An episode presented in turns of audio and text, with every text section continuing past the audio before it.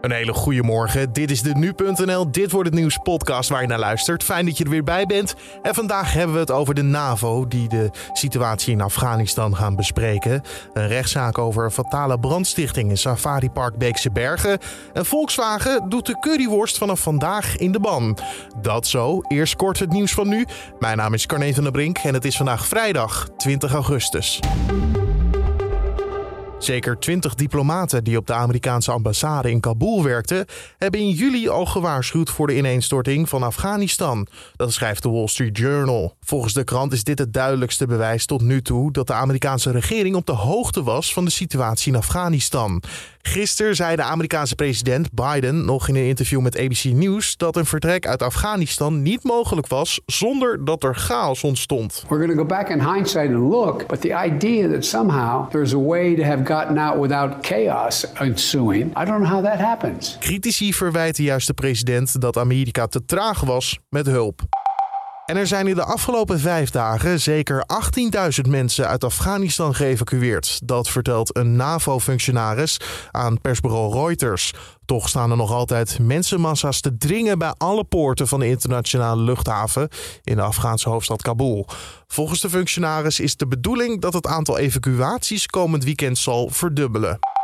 De prijs voor een kubieke meter gas is voor consumenten deze week door de grens van 1 euro geschoten en was nog nooit zo duur.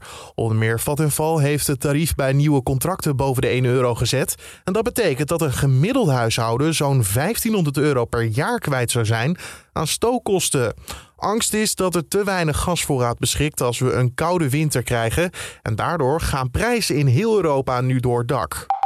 Er gaan dingen veranderen voor het erotische platform OnlyFans. Vanaf oktober zal het geen expliciete seksuele video's en foto's meer toestaan. Het is dan uh, nog wel mogelijk voor gebruikers om naaktfoto's en video's te plaatsen, mits ze aan de regels van de site voldoen. Via OnlyFans kan geld worden gevraagd door zogenoemde creators om hun video's en foto's te bekijken met vaak seksuele inhoud. De veranderingen zijn volgens het platform nodig vanwege druk vanuit de financiële sector. En er was weer Europees voetbal gisteravond. In de kwalificatie voor de Conference League heeft Feyenoord met 5-0 gewonnen thuis van Elsborg. Een van de uitblinkers was Sinistera, die een hat maakte. Versnelling bij de rechtsachter Linsen. Daar is Sinistera! En is 10-0. Het is zijn derde alweer. Feyenoord is hard bezig om ervoor te zorgen dat de terugwedstrijd volgende week in Zweden slechts een formaliteit zal zijn. Zo was te horen bij ESPN. Verder speelde Vitesse gisteravond ook voor de Conference League. De ploeg uit Arnhem speelde 3-3 gelijk bij het Belgische Anderlecht. Volgende week spelen beide clubs de returnwedstrijden. En dan kijken we naar de dag van vandaag, oftewel dit wordt het nieuws. Afghanistan natuurlijk, moeten we het over hebben. De Taliban heeft het land in handen en al dagen zijn westerse landen bezig met het evacueren van mensen. Ja, de ministers van Buitenlandse Zaken van de NAVO-landen houden een videoconferentie over de situatie daar staan alle neus in dat overleg dezelfde kant op. Daarover hoor je mijn collega Julien Dom in gesprek met Rob de Wijk, directeur van Den Haag Centrum voor Strategische Studies en deskundige op het gebied van internationale betrekkingen. dat hangt een beetje van het onderwerp af, eh, denk ik. Eh, kijk, als het gaat om het uh, uithalen van Europeanen landgenoten uit Afghanistan, dan denk ik wel. En dan moet er gewoon goed gecoördineerd worden. Dat wordt natuurlijk op de achtergrond wel gedaan. Maar ik uh, kan me voorstellen dat uh, politieke leiders daar ook nu nog wel een keer over willen, willen gaan praten. Dus op dat punt denk ik wel. Iedereen moet eruit. de NAVO die probeert een rol in te spelen. Landen proberen hun activiteit op elkaar af te stemmen. Dus dat gaat wel. Maar wat zou een punt zijn waar ze niet het over eens zijn? Nou ja, en, en, en kijk, weet je, de olifant in de kamer is natuurlijk uh, de rol die Amerika hierin speelt. En de wijze waarop er wordt nagedacht over uh, de toekomst van de NAVO. Ik weet niet of het daarover gaat, maar ik denk dat in ieder geval in de wandelgangen daar zeker over zal worden gesproken. Kijk, we hebben de episode Trump achter ons gelaten, die al gedreigd heeft met het opblazen van de NAVO. En wat je dus nu krijgt, is dat je te maken hebt uh, met een president die uh, in één klap uh, de stekker uit Afghanistan trekt. daardoor zakt de hele boel in elkaar. En dat heeft enorme repercussies voor het bondgenootschap. Ook in het vertrouwen wat er is in de Verenigde Staten. Nou, daarover zal absoluut gesproken worden. ik weet alleen niet of dat tijdens een formele vergadering gebeurt of daarbuiten. Oftewel, daar zullen de spanningen hoog oplopen. Ja, dat denk ik wel. Ik denk dat die spanningen op dat punt uh, inderdaad uh, hoog op gaan, uh, gaan lopen. En hierover is het laatste woord niet gezegd. Al was het alleen maar omdat door deze hele affaire ook de geloofwaardigheid van de NAVO een enorme deuk heeft gekregen. Niet alleen die van de Verenigde Staten, maar feitelijk van, van de hele westerse wereld. Dus ook van de NAVO. Kijk, wat daar dus gebeurd is is dat de Amerikanen die, um, die zijn verantwoordelijk voor het leveren van de zogenaamde enablers. Dat zijn dus zeg maar de capaciteiten om ervoor te zorgen dat de, Amerika dat de uh, Afghaanse strijdkrachten um, kunnen optreden als een grootschalige eenheid en ook effectief kunnen optreden. Dus de Amerikanen leveren de inlichtingen, de Amerikanen leveren de zogenaamde command en control leveren special forces, luchtsteun. Als je dat weghaalt in één klap, dan dondert ook het werk van de Europeanen van de afgelopen twintig jaar in één klap in elkaar. Nou, dat is iets, eh, dat zullen de meeste Europeanen gewoon niet pikken. En die zullen zeggen van ja, hoor eens even, had dat niet anders gekund? Ja, en dan blijft het dus nu over van, nou, dat zal dan praten worden met de Taliban. Die zeggen van wij willen het land leiden. Even voor de duidelijkheid, is de Taliban nou een terroristische organisatie? Of geldt dat alleen voor de afsplitsingen van de Taliban, zoals het Haqqani-netwerk en Al-Qaeda? Ja, dat is een goede vraag. Dat weten we gewoon niet. Ik, ik denk dat uh, als je gewoon kijkt wat de leiding van de Taliban op dit ogenblik aan het doen is, dan zeggen ze van nou, we zijn gematigder geworden, we hebben onze lessen geleerd. Uh, we willen het land proberen te regeren, bij elkaar te houden. En ze zullen ook wel moeten, want ze zijn ontzettend afhankelijk van het buitenland om het land überhaupt een klein beetje op orde te krijgen. En de hele wereld kijkt op dit moment. Exact, en de hele wereld kijkt naar hun. En dat was dus in de jaren uh, 90 niet het geval. Toen konden ze lekker hun uh, gang gaan in dat land. Maar de grote vraag is, uh, hoe gecentraliseerd de Taliban is. Hebben ze ook de controle over hun, over het voetvolk dat feitelijk de dienst uitmaakt in de provincie. Daar kun je grote vragen uh, bij stellen. Ik denk dat niet. Dus dan kun je zeggen van nou de Taliban op zich heeft dan nog wel het beste voor als het gaat om de grote leiders met dat land. Maar je weet gewoon niet wat er gebeurt op, ja, in de provincie hun zeggenschap versplintert als het ware.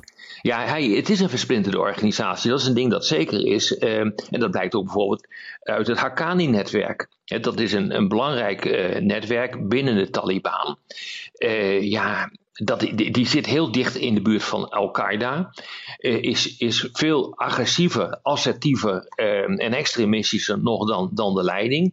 In, nu in, in Kabul. Ja, dus ehm, hoe dat gaat lopen, uh, dat is heel moeilijk te voorspellen. Het hangt er echt vanaf of de leiding in Kabul of in Kandahar of waar ze ook uh, gaan zitten, in staat is om het voetvolk onder controle te houden en het ook het hele netwerk uh, dezelfde kant op te richten. Lukt dat niet? Nou, dan krijg je gewoon een burgeroorlog en loopt het helemaal uit de hand. Is er op dit moment wel de wil om in ieder geval met de Taliban zoals we die nu kennen, zoals die nu naar buiten komen, met de persconferentie van de week ook, om daarmee te onderhandelen? Of is het Westen, en dan doe ik op de NAVO, daar ook nog terughoudend in momenteel? Ja, de NAVO is daar zeker terughoudend in, voor zover er iets is als de NAVO. Ik denk dat daar ook de neuzen niet allemaal dezelfde kant op staan. Maar wat je gewoon nu echt ziet, is dat eh, zowel Rusland als China, eh, die pakken nu het initiatief. Dus eh, de, de tweede man van de Taliban, die is al met grote eer ontvangen in China. Terwijl het natuurlijk feitelijk gewoon in de ogen van velen een extremist is. Die ook aan de kant zou kunnen staan van de Oeigoeren, waar China weer niks van, van moet hebben.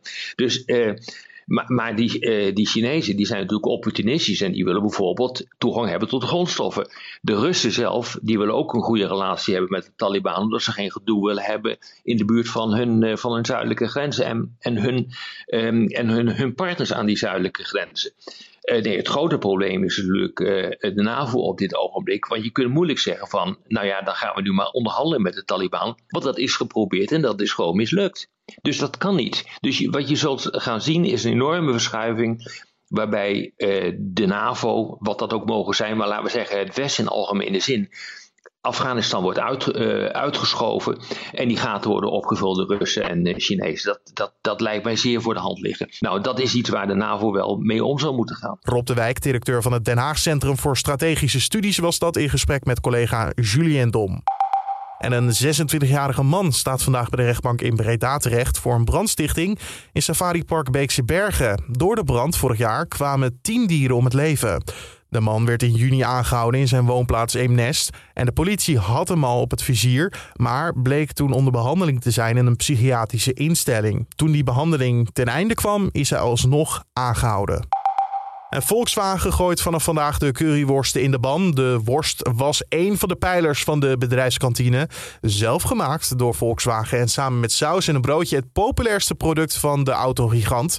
Jaarlijks werden er zo'n 7 miljoen van verkocht. Nou, de worst wordt nu vervangen door plantaardige alternatieven. Het is niet alleen de worst die trouwens wordt geschrapt, al het vlees gaat de deur uit. Wel zou er af en toe nog vis te krijgen zijn in de kantine. Het afscheid van de curryworst ging trouwens niet zonder slag of stoot. Zo noemde de voormalig bondskanselier Gerard Schreuder, die ook jaren in de Raad voor Commissarissen van Volkswagen zat, het een schande, zo zei hij op LinkedIn. En van de curryworst is het maar een hele kleine stap naar het weer. Ja, wat het vandaag gaat worden, dat vragen we aan Alfred Snoek van Weerplaza. Ook vandaag trekt er best wel veel bewolking over ons land. Daaruit kan vanmorgen plaatselijk een bui vallen. Maar overal laat toch ook wel de zon zich af en toe zien. Vanmiddag kunnen dan de stapelwolken in het binnenland nog plaatselijk tot een bui uitgroeien. Maar er zijn ook volle plekken waar deze vrijdag gewoon droog gaat verlopen. De wind uit zuidwest of westelijke richting waait zwak tot matig, windkracht 2 tot 4. En de temperatuur komt wat hoger uit dan de afgelopen dagen. Het wordt 20 tot 22 graden. Dankjewel, Alfred Snoek van Weerplaza. En om af te sluiten nog even dit. Ondernemer Reinhard Oerlemans en zijn vrouw Danielle hebben hun villa in de rijke wijk Bel Air in Los Angeles van de hand gedaan. Het pand is voor 70 miljoen dollar, bijna 60 miljoen euro, verkocht aan The Weeknd, de Canadese zanger. Het gaat volgens de Wall Street Journal om een van de grootste huizen verkopen in de stad van dit jaar. De familie Oerlemans kocht de villa voor ruim 21 miljoen dollar. Vervolgens werd de woning drie jaar lang gerenoveerd door een team van interieurontwerpers. Ja, en wat krijg je nou voor die 70 miljoen dollar? Ik heb het even op een rijtje gezet. Het huis is ruim 3000 vierkante meter groot, telt 9 slaapkamers, heeft onder meer een tennisbaan, een spa met sauna, eh, een hammam, een binnen- en buitenzwembad met een waterval, een bioscoop, een fitnessruimte en een muziekstudio.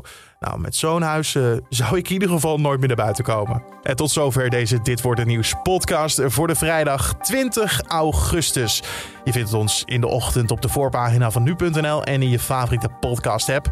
En dan kan je ons uh, ja, altijd blij maken met een recensie bij Apple Podcast. Zet erin wat je van ons vindt van de podcast. En uh, ja, laten sterren achter, 1 tot en met 5. Je kan ook een mailtje sturen naar podcast.nu.nl als je tips of feedback voor ons hebt.